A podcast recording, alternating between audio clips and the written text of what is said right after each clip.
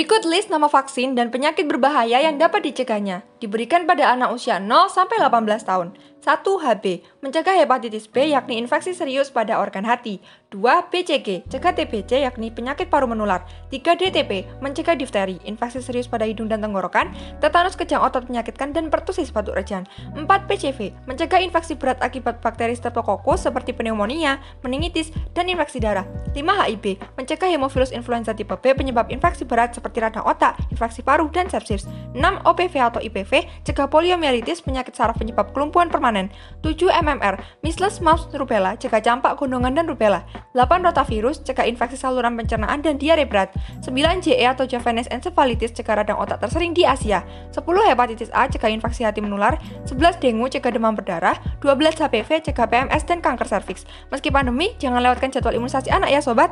Semoga membantu.